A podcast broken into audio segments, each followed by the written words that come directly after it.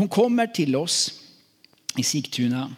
Vi känner en släkting till henne som hade bedjat om att få ha, vi sitter jag och min fru Anna-Karin och har en hel del samtal och vi hjälper människor på olika sätt. Och eh, den här eh, eh, personen vi känner sa att jag har en släkting som hon har vuxit upp i kyrkliga kontexter men det är någonting som är problem med henne. När hon kommer i gudstjänst och när det händer någonting, när det kommer ett skeende så börjar någonting hända inom henne som gör henne orolig hon måste gå ut. Eh, och, och hon har fått, eh, vi har pratat, vi har samtalat och hon har gått på olika eh, eh, psykiska, eh, psykiatrisk hjälp och så vidare. Får inte riktigt hjälp med det. Kan inte ni bara komma, eh, låta oss få komma hem till er och så kan vi be för henne. De kommer hem och, och eh, för oss, den okända kvinnan sitter och vi samtalar. Och plötsligt när vi samtalar så får jag en sån stark förnimmelse av ett främmande element. Så jag säger till henne, se mig i ögonen. Och plötsligt så tittar de på mig och jag säger i Jesu namn, vem är du? kommer en ny personlighet upp i hennes inre. Hennes ögon svartnar och hon börjar bete sig på ett sätt som en människa som är demoniserad gör. Är ni med mig här? Kan vi köra Eh, kristendom här? Så vad som händer är att plötsligt, och hon själv blir chockad och, och hennes släkting blir jättechockad. Plötsligt manifesterar sig en annan personlighet inom henne. Därför att Guds ande kommer. Och alla de här andra samtalen, de psykiatriska ut, eh, ut, ut, eh, försöken till hjälp som inte hade hjälpt. Plötsligt så kommer rotproblemet upp. Och vi kunde börja be på rätt sätt. Det jag kommer att predika om den här söndagen, det är att många saker i våra liv har sin lösning i ett möte med levande Gud. Det är område efter område. Och jag tänker jag skulle försöka hinna med fem olika områden där vi försöker hitta lösningar och förklaringar i vår strävan efter att få komma vidare. Men det mötet egentligen är, och, och svaret är ett möte med levande Gud. Är ni med mig kära Karlstadbor? Jag har också varit en värmlänning en gång. Och jag vet att man ropar inte så mycket halleluja sånt här i Värmland. Här, här är vi skog, här är vi, vi är tysta i anden och det är underbart. Hellre tyst i anden än skrika i köttet. Så, så, så var dig själv för allt i världen. Så det första jag vill tala om, och det här med lidandet. Jag hade en undervisning här igår. Eh, när man har varit med om eh, saker som är lite jobbiga så börjar man studera det. Lidande. Det berättas i Bibeln och det första jag ska säga, du som lider, du som har varit med om lidande. Och vet du vad, alla vi här inne har varit med om lidande. Om jag skulle sätta mig ner och samtala med var och en av er, och ju äldre du är, ju mer har du att berätta. Om människor som har svikit dig, om människor som har bedragit dig, om saker du hoppats som inte blev av, om sjukdomar, om olyckor, om död. Alla här inne har smakat lidande. Så frågan är inte om du har lidit eller inte. Frågan är hur vi hanterar lidandet. Are you with me? Betyder det är du med mig? Hur hanterar vi lidande? Och varför får den oskyldige lida? En sak är ju naturligtvis om någon som har rökt fem paket cigaretter om dagen och sen längre fram i livet får problem med lung, lungorna. Det kan man ju finna någon form av logik i. Är ni med mig? Men varför ska små barn få lida? Varför ska gudsmänniskor få lida? Har ni aldrig funderat på det? Det är klart vi har gjort det. Varför är det så? Bibeln berättar om en man som heter Jobb. En man som enligt Gud själv var den där Gud säger ingen på jorden är som min tjänare Jobb. Jobs bok i 42 kapitel, väldigt många kapitel. Det blir en stor bok, vi predikar väldigt sällan om den. Och jag ska inte alls gå in på det nu för då får vi ta med oss tält här och sovsäck. Men lyssna med mig. Det är mycket, mycket märkligt för Jobb berättas om denna man som var ekonomiskt välsignad. Han var välsignad med tio barn. Han var välsignad med en av österländets största och mäktigaste inflytande. En dag berättas det om när vi får ett perspektiv av det himmelska inför denna väldiga tron där Gud sitter så kommer Guds änglar fram och så kommer en fallen ängel som kallas för Satan eller åklagaren in. Och så börjar åklagaren, den som har varit, och Gud säger, vad har du varit? På en vandring runt jorden. Du kan läsa om det i Jobs första kapitel. Varenda gång som Bibeln beskriver om det, det, det djävulska eller om Satan, om den fallna ängeln. Varenda gång så vet de att det onda är alltid i rörelse. Den, den, den onde, den fallna ängeln, det står om i första Petrusbrevet att djävulen han är som ett rytande lejon som går omkring och söker efter någon att sluka. Och gång efter gång så får vi det här, det finns, när en ond ande lämnar en människa så söker den sig. Det, det, det onda är alltid, det finns en oro i den onda andevärlden. Nu kommer denna åklagare inför den allsmäktige och börjar anklaga Gud för den ena människan efter. Vet du om att det finns en åklagare som anklagar dig och mig? Vet du om det? Har du läst det i Uppenbarelseboken 12? Att han som dag och natt anklagade dem inför Gud. Uppenbarelseboken 12, vers 7. Det finns en åklagare som ständigt anklagar Guds folk. Vet du vad det allvarliga är?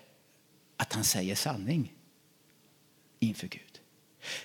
Lucifer, han ljuger inte inför Gud. Han vet att man kan inte ljuga inför Gud. När han kommer inför Guds tron säger hur kan du välsigna den där Sven Almqvist? Jag vet allt vad han har gjort. Så säger Uppenbarelseboken att lösningen, vet vad det är? Det övervunno honom genom Lammets blod. Det vill säga, allt Satan säger om anklagelse inför Gud är sant. Det är bara det att det finns en sanning till. All denna synd har Kristus tagit. Hans blod har renat mig. Så det är som om den himmelske guden säger, tänkte bilden, att han vänder sig om till Kristus, tänkte bilden. Och så säger han, nu vet ju Gud allt, men han säger det, stämmer detta? Nej, säger Jesus, jag har tagit hans synd. Så finnes det ingen fördömelse för den som är i Kristus Jesus. Så när Satan kommer till mig och anklagar mig, då säger jag, vänta, stopp, stopp, stopp, stopp, stopp. Vad är det du talar om? All din synd, allt du gjort jag har inte kvar min synd. Jag har gett den till Kristus. Jag tycker inte om Kristus. Nej, men det gör jag. Jag tycker om Kristus. Jag fick hans rättfärdighet och han fick min synd. Vilket fantastiskt byte. Man kan nästan säga halleluja. Fast man är pingstvän till och med. Alltså, Eller man kan ju också säga halleluja inom sig, eller hur? Men det är fantastiskt. Okej. Okay. Men nu kommer åklagaren inför Gud i Jobs bok. Och så säger Gud, som har lagt märke till min tjänare Jobb. Ingen finns som så fruktar mig. Ingen finns som så flyr det onda. Nej, säger Satan. Men det beror på att du har mutat honom. Du har köpt Jobs kärlek. Du har gett honom ekonomisk framgång. Du har gett honom tio barn. Mamma, så kommer massor med som han anser orsaker. Och så kommer detta märkliga, och jag kan inte gå in på jobbsboken här nu mer än jag säger, att Gud säger, åklagaren säger låt mig få pröva honom så ska du se att han kommer att förbanna dig. Och så får Gud sätter ramen. Men åklagaren stjäl hans ekonomi. I ett enda nu så krossas hans kameler och, och får och allt detta. Eh, hans börstillgångar på den tiden.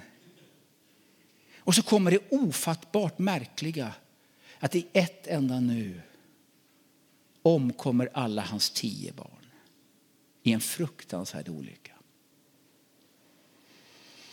Och Jobb bestämmer sig för, han river sönder sina kläder och ropar till Gud. Men han vägrar förbanna Gud.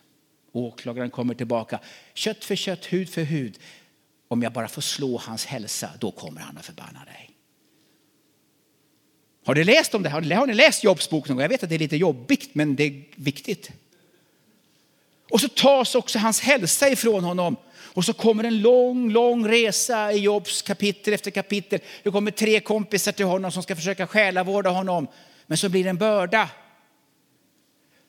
Om du har med lidande människor att göra så är det inte i första hand långa teologiska utläggningar de behöver. De behöver din närvaro och din kärlek och gemenskap.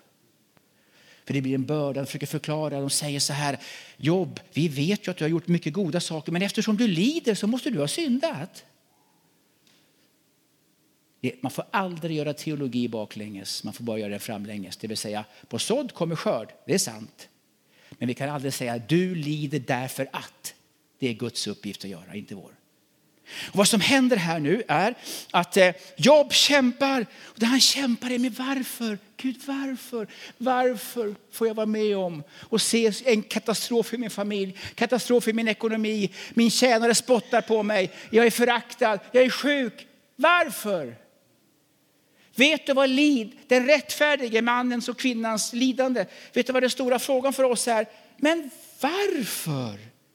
Jobb ansåg inte sig själv syndfri. Men så varför? Varför får jag lida så mycket? Varför får människor lida? Men varför får Ukraina folk lida? Varför får folk lida? Är vi rättfärdiga med varför? Han brottas med Gud och han brottas i kapitel efter kapitel. Och han brottas med sina tre vänner som blir hårdare och hårdare. Svartvita teologer. Till slut så säger de, du måste vara jätteond jobb. Varför det? För du lider så mycket så det måste vara ditt fel. Och han ropar och himlen är tyst. Har du varit med om att himlen är tyst? Och så brottas han och så kommer det. I kapitel 38 så sveper himlens Gud in, stormvindens Gud, in i Jobs liv. Vi vet inte exakt hur det går till, men Jobs författare skriver Guds, den helige Guden kliver in. Och vet du vad Gud gör? När äntligen himlen talar. Han, Gud börjar inte berätta, jo det är så här Jobb, skälet. Gud ger inga skäl. Men det Gud gör är att han bildligt, nästan bokstavligt tar upp jobb och säger så här, jobb. Du ställer massa frågor till mig. Nu ska jag ställa frågor till dig, säger Gud. Jobb, när jag skapade universum med alla änglar runt omkring mig, var var du någonstans då, Jobb? Jaså, det vet du inte. Jobb, hör du alla korpars ungar som ropar efter mat över hela jorden? Jaså, det gör du inte. Gud börjar med en naturhistorisk eh, eh, föreläsning. Och plötsligt inser Jobb en sak. Vänta nu. Det är ju bara den som är i centrum av universum. Där allt cirkulerar. Det är bara den som förstår alla varför. Men jag är inte universums centrum. Men du är det Gud. Därför måste vi som sanna gudsmän och gudskvinnor vi måste inse att vi är med om saker vi inte förstår. Men det betyder ju inte att inte Gud förstår. Are you with me? Och så inträffar någonting fantastiskt. Följ med mig till jobb 42.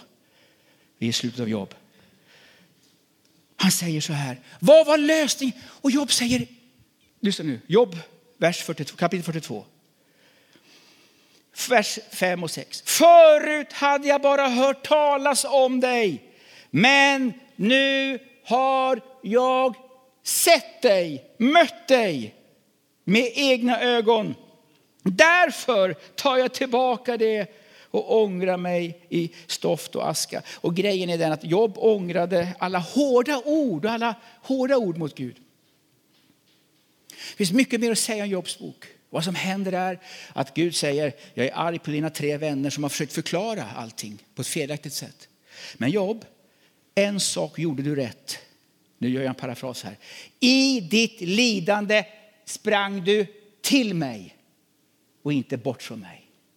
Jag vill säga till dig som lider, som undrar varför har jag det som jag har det? Varför är min ekonomi som det är? Varför är mina barn borta? Varför knarkar min son? Varför? Min vän, spring till Gud. Kom nära Gud. Närmare Gud. Han vet. och ropa efter ett stormvindens möte där Gud möter dig. Men när han möter dig så kanske inte han sätter sig ner och förklarar allting. Men du får ett möte med levande Gud. Vi behöver möta. Svaret på lidandet är inte att få någon form av 50 eh, programpunkter. Varför? Det är att få möta Gud. Gud vet allting. Antingen ska du veta allting och då är det du som är Gud. Eller så ger vi vår tro till honom som vet allting. Sen berättas det om hur Gud faktiskt upprättar jobb. Han får tillbaka sin hälsa. Han får tillbaka i dubbel mått sin ekonomi. Han får inte dubbelt av barn. Han får tillbaka tio barn, därför boskap och barn är inte samma sak. Och så berättas det om hans, hans tre söner, eh, sju söner och de tre döttrarna. Och så nämns den Jemima och alla namn. Fantastiska namn. Och det fanns inga så vackra kvinnor i hela Österlandet. Och så står det en märklig sak i Jobb 42. Jobb beslutade sig för att ge sina döttrar samma arvedel som sönerna. Det vill säga, i Guds ögon är kvinnan och mannen precis lika mycket värd. Visst är det fascinerande? Sen kan vi ha olika roller, det tror jag vi har. Men, eh, men det är intressant. Så mötet med lidande, svaret på lidande, det är möte med levande Gud. Är ni med mig? Andra, svaret i religiös förvirring, vad är det? Att vi ska ha långa, långa teologiska förklaringar. Visst, vi kan förklara hit och vi kan förklara dit och dansa runt en liten bit. Men vi behöver möta Gud. Häng med mig snabbt. Eh, eh, följ med mig till Johannes 9. Är ni glada? Jag brukar Sam predika länge? Har ni inte hört talas om vad någon som sa efter Sams predikan? Nej, det var inte Sams predikan. Det var någon som sa så här, åh, på kyrkmötet efteråt, pastorn, din predikan var fantastisk. Din predikan påminner mig om himlen. Jaha, sa predikanten. Den var fullkomligt obegriplig och varade i evighet. Jag, jag hoppas inte min predikan ska eh, vara eh, som himlen här. Johannes 9 ska inte vara evighet. Men Svaret på människors och den religiösa förvirringen. Vi kommer mitt in i det så kallade samariska kvinnan. Jesus är på vandring. Hon sitter ner, han sitter ner med en kvinna, vilket inte var proper på den tiden. Han samtalar med henne och hon säger ni tillber så, vi tillber så. Det här är rätta sättet. Ni tror att det här är med mig. Den religiösa förvirringen. Ska man tillbe så eller så? Vad är svaret? Um, jo, det står så här i vers 25. Kvinnan sade till honom. Jag vet att Messias ska komma, han som kallas Kristus. När han kommer ska han berätta allt för oss. Jesus sa till henne, det är jag. Den som talar med dig. Hon fick möta honom. Och så berättas det senare i några verser längre fram här, hur, vers 39, så berättas det om, hon säger till alla, många samarier från den staden kom till tro på honom genom kvinnans ord när hon sa, han har sagt mig allt jag har gjort. Vad är det, hur ska vi möta Svensson? Hur ska vi möta våra nya, nya invandrare här? Hur ska vi möta? Möte med Gud. Här bor Gud. Vi har varit med, jag och min fru, vi har suttit människor som har en helt annan världsbild. De tillber Gud på ett helt annat sätt. De har inte förstått vem Jesus är. Det går inte att prata. Men när kraften kommer. Wow, det är ju Gud här. Det är svårt att argumentera mot kraft och uppenbarelse. Hur kan du veta detta? Är det Gud i detta? Ord har en viss betydelse, kraft är en annan. Är ni med mig? Så all religiös förvirring, vi behöver möta, du behöver möta Gud. Får jag be för dig? Får vi be för dina behov? Någon som sa till mig, men jag tror ju inte så. Nej, men jag tror. Därför ber jag. Jag ber ju inte för att du tror, jag ber för att jag tror. Så vad är svaret på lidande? Möte med Gud. Vad är svaret på all religiös förvirring? Möte med levande Gud. Tre, är ni med mig? Vad är svaret på den som längtar? Jag tror du finns här som längtar. Jag längtar efter någonting mer. Jag, Gud har en gång sagt till mig att jag ska få vara med om det, A, B, C. Men det har inte inträffat än. Någon som kom till mig en gång och sa att jag har, Gud lovade en gång att jag skulle få vara med om det och han har inte varit, jag har inte varit med om det än. Så nu tänker jag nästan lämna Gud. Ja, men sa jag, du lever väl fortfarande? Ja, just det, det gör jag. Du är inte färdig än. Guds tidtabell är lite annorlunda än vår. det är någon som har känt så också ibland? Här, det tredje av fem punkter. Tyckte jag hörde halleluja nu. Lyssna nu. Lukas 2, följ med mig. Gud kommer att möta äkta längtan. Lukas 2. Vi tar det snabbt här.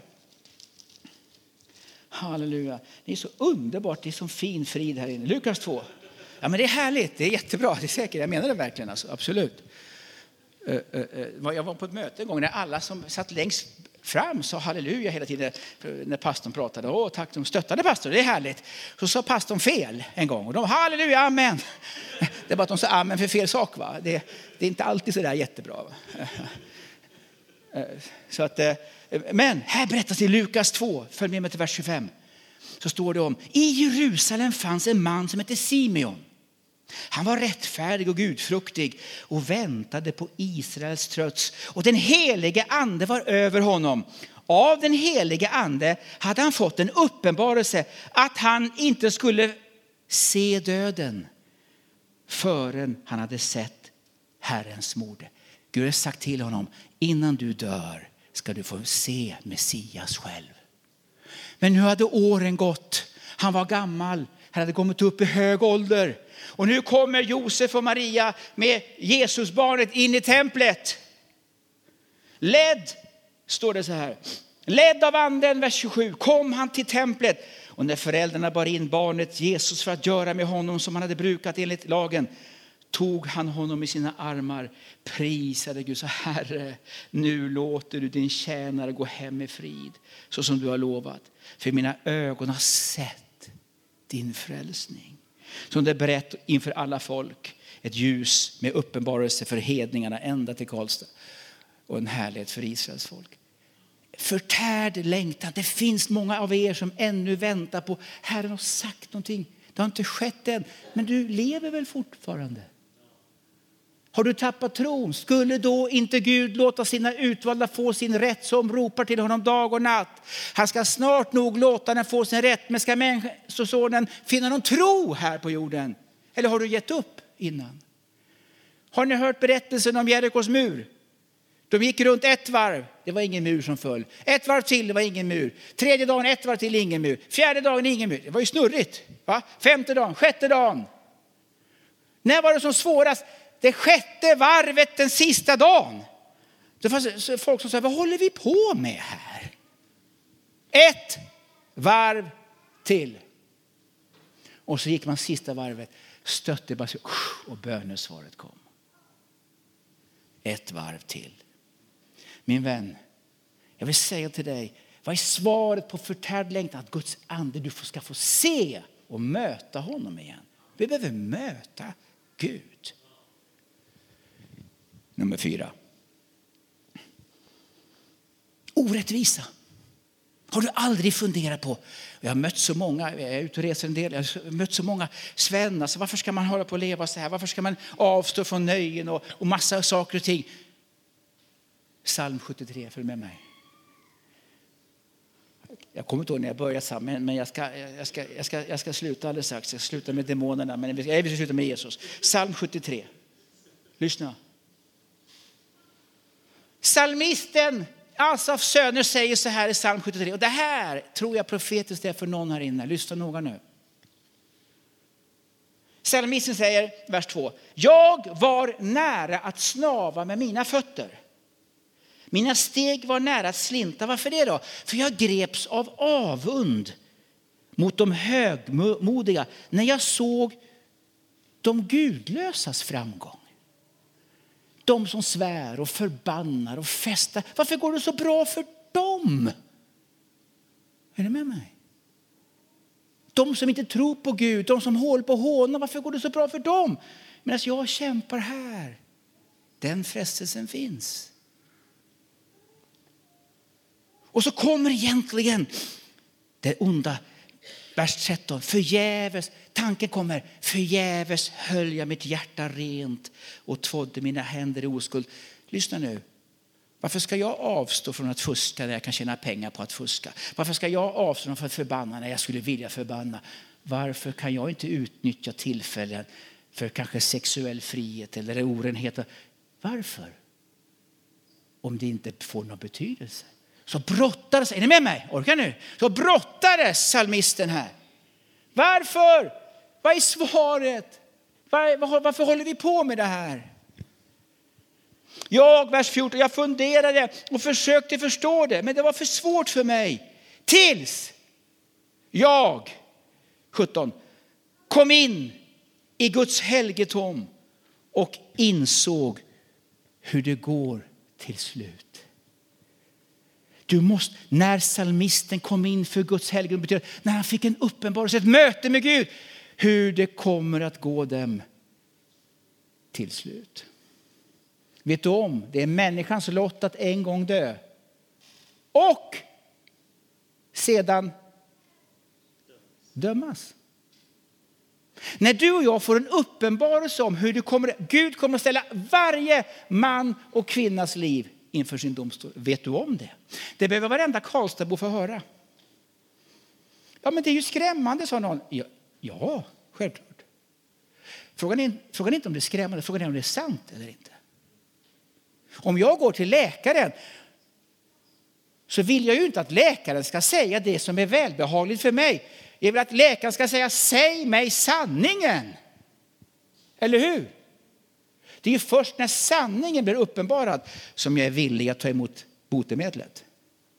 Om läkaren säger till mig, Sven, jag har två besked, ett mycket, mycket dåligt, men ett mycket bra. Vad ska jag börja med? Börja med det dåliga, säger man. Du har en sjukdom som innebär att du kommer att dö. Bring me the good news. Thank you. Jag kan skära bort den där växten inom dig så du blir frisk. Får jag skära? Kom igen på en gång, säger jag. Sätt igång, cut it. Om jag inte får höra sanningen är jag inte intresserad av nåden och hjälpen. Om läkaren bara tänkt så här, jag vill inte säga sanningen till Sven Almqvist. Jag vill bara säga, hej Sven, nu har jag undersökt dig. Får jag skära i dig? Så blir svaret nej. Varför ska du skära? Ja, ja, men jag vill skära bort lite grejer. Nej, så går jag bort. Varför ska jag omvända mig? Varför ska Karlstadborna omvända sig från synd och elände och själviskhet? Därför att på eftersådd kommer skörd. Och du kommer få evigt leva i frånvaro av Guds närhet. Det är mycket, mycket allvarligt. Utan sanningen så har vi inte något behov av nåden. Jag insåg hur det kommer att gå till slut, säger psalmisten. Då tackade Gud. Och så säger han så här, det här är faktiskt min favoritvers i, i, i, i Saltasalmerna nu, som jag ska citera. Och så säger han så här, men jag är alltid hos dig, vers 23. Du håller mig i min högra hand, du leder mig med ditt råd och tar emot mig med ära. Nu kommer mitt favoritord. Vem har jag i himlen utom dig? Och när jag har dig frågar jag efter intet på jorden. När jag har dig Jesus, när jag har dig så frågar jag efter intet på jorden.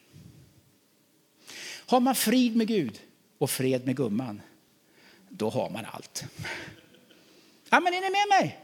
En del byter bort en svit i himlen mot en lägenhet i Stockholm. Vilket dåligt byte. Säg, avundas inte dem som kortsiktigt synes ha framgång. Avundas inte dem. Om du har Kristus, vem har du som är värd mer än det? När du har mannen från Nasaret. Are you with me? Tacka Jesus.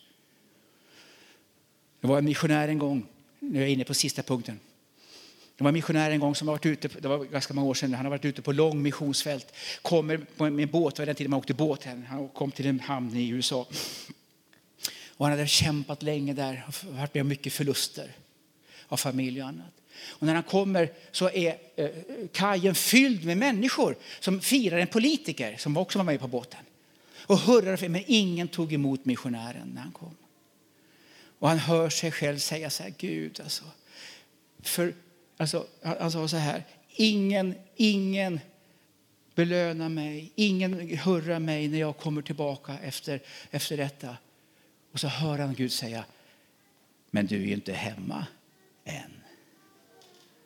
Du är ju inte hemma än. Det här är inte din hemplats. Dina lyxhus här i Karlstad eller dina läger, det är ju det är inte ditt hem. Ditt och mitt hem är där. Och salig är du om du håller fast vid Kristus. Och saliga är du när du i frestelse säger nej. Jag tänker inte lämna Kristus för lite kort nöjen, korta utsvävningar här och riskera min frälsning. Aldrig. Nummer fem och sista punkten nu. Vi har sagt att Svaret på lidandets mysterium är möte med Gud. Svaret på religiös förvirring är mötet med Gud. Svaret på den tärande längtan är mötet med Gud. Svaret på orättvisan vi ser överallt. Mötet med sanningens Gud som ger perspektiv. kommer sista punkten. Brukar du ha fem punkter Sam? du har 17 punkter du, eller vad har du? Det här församlingen är tränade martyrer. Eh. Tiden lider och vi med den, säger. Och lyssna. Demonisk närvaro avslöjas inte med prat, det avslöjas med gudomlig närvaro. Lyssna väldigt noga vad jag säger nu. Varför är det så många människor som aldrig blir hjälpta i våra sammanhang? Därför att vi sysslar med yta och inte med rot. Vi sätter plåster på infekterade sår istället för att gå roten. Jag säger inte att alla människor är besatta. Jag säger att många människor har problem med det demoniska. Därför säger Jesus att vi ska driva ut onda andar. Varför gör vi det för lite? Varför gör vi inte det? Det var en pastor som sa till mig, ja det svenska kristna kulturarvet har gjort att vi inte längre har några demoner i Sverige. Han har fel, kan jag säga. Bygg inte om din teologi utifrån bristande erfarenhet, utan bekänn skriften så kommer du få ny erfarenhet. Jesus kommer, jag spar tid nu, jag går Matteus 8. Jesus kommer över på Gedardas område. Det kommer två besatta människor till honom som har legio i sig. Och de onda andarna säger, vad har du med oss att göra? Du Guds helige. Ska du plåga oss i förtid? Demonerna visste vem Jesus var. Demonerna visste mer än de religiösa skriftlärda. Vet du vad de bästa teologerna var i Nya Testamentet? Det var demonerna. De var de bästa teologerna. De visste exakt vem han var. Har du kommit? Vi vet att du en gång ska kasta oss i den brinnande sjön. Har du kommit nu?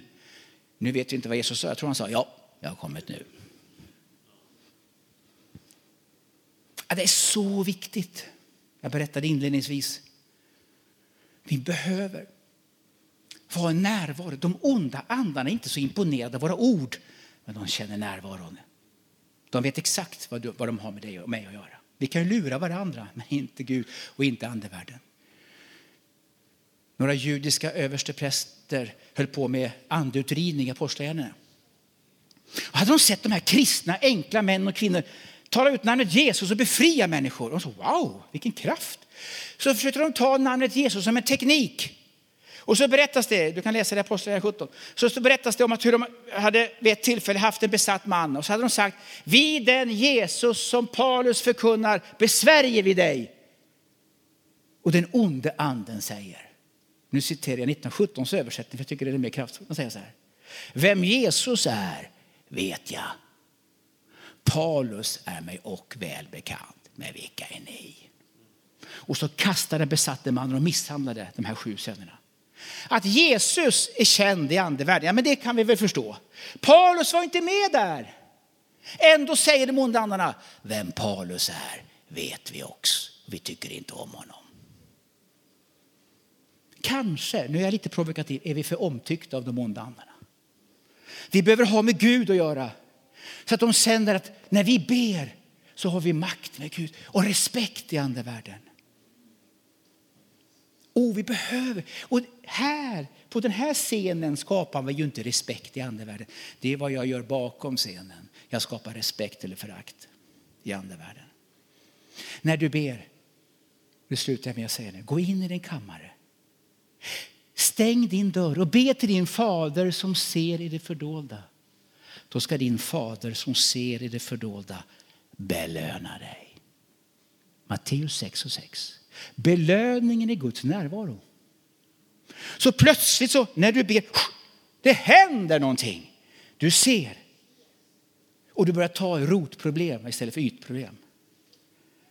Fader, jag ber för mina syskon här. Ska vi komma upp? Fader, jag ber för mina syskon här i Pingstkyrkan Karlstad. Här finns många som Ja, man älskar dig, man har tagit emot dig till frälsning. Men man längtar efter äkta kristendom, man är trött på bara ord eller verksamhet. Man vill ha äkta kraft. Herre, hjälp oss att förstå att vi går igenom lidande. Vi kan inte undvika det, även hur rättfärdigt vi än lever. Och tack att vi får lämna alla varför till dig och möta dig. Så att vi får kraft till en dag till. Här finns det den som längtar, Herre, efter att få bönesvar på olika områden. Det är mötet med dig likt Simon som är svaret. Här finns det den som är förvirrad. Vad är rätt? Teologen A, B, C eller D? Eller är det du? Ett möte med dig. Herre, här finns det dem som kanske är i tjänst och vill hjälpa människor till hjälp. Men man känner sig kraftlös. Men det finns ett namn som alla onda andar bävar och det är namnet Jesus. Hjälp oss att syssla med det som verkligen får betydelse. Jag tackar dig här att vi går in i en tid i det här landet och i den här världen där vi ser hur ondskan blir bara mer och mer manifesterad. Och många står rådlösa inför folkhavens dån hit och dit. Ska vi gå med i den organisationen NATO eller inte? Vad ska vi göra? Svaret är att vi ska se om vårt hus och bygga på den klippa som aldrig kommer att gå under. Om hela världen brinner så står det ändå fast för den som bygger med dig. Och ju mer ondska vi ser, ju mer ska ljuset träda fram i våra liv. Förlåt oss för vår synd, förlåt oss för det vi har misslyckande. Och du är en god Gud, du renar från synd. Och så kommer vi tillbaka igen. Men Herre, jag ber att den här förmiddagen så ska många fatta beslut i sina inre. Jag tänker gå hela vägen med Jesus. Det får vara slut med kompromisser nu. Jag vill inte halta på bägge sidor. Vem har jag i himlen utom dig? Och när jag har dig, ja, men då frågar jag efter inget på jorden. En dag så är den här tidsperioden över och vi går in i nya tidsperioder. Jag ber att ingen här ska gå förlorad. Ingen. Ingen ska låta sig bli förförd av synd. Ingen ska låta sig bli förförd av förvirring. Ingen ska låta för bitterhet och hat eller oförsonlighet släcka andens liv. Du vet vad smärta är. Och ändå säger du Fader förlåt dem. För de vet inte vad de gör. Herre jag ber att du i all stillhet ska röra vid oss den här förmiddagsstunden nu. Jag ber att när vi har en liten stund av eftermöte, kom och rör vid den som behöver det. Den som är kvar i bänken, rör med din ande. Och den som vill komma fram och få förbön här ska göra det. Vi fattar beslut igen. Hela vägen går du med oss. Ska vi stå upp tillsammans? Och medan lovsångarna leder så vill jag bara säga tack för att jag fick predika den här predikan för dig. Och du, det finns ju en böneplats här. Så vad fint, vilken härlig plats ni har gjort ordning här. Här kan man komma, här kan man, det finns förebedjare som är förberedda. Man kan sitta här, man kan tända ett ljus, man kan öppna sitt hjärta och berätta vad det är. Man behöver inte ens göra det, bara komma. Och vill du vara kvar så är du kvar. Men vi, vi tar några minuter. Och du som känner Sven, tack för predikan, men jag, jag lever i, i Guds när Härligt, var bara med och lyft Herrens namn så att den som behöver fatta beslut gör det. Och du, om det här är sista gången jag predikar så har vi en evighet tillsammans. Där vi kan ha mycket, mycket härligt tillsammans. Se till att ingen tar din krona. Har du Jesus så har du allt.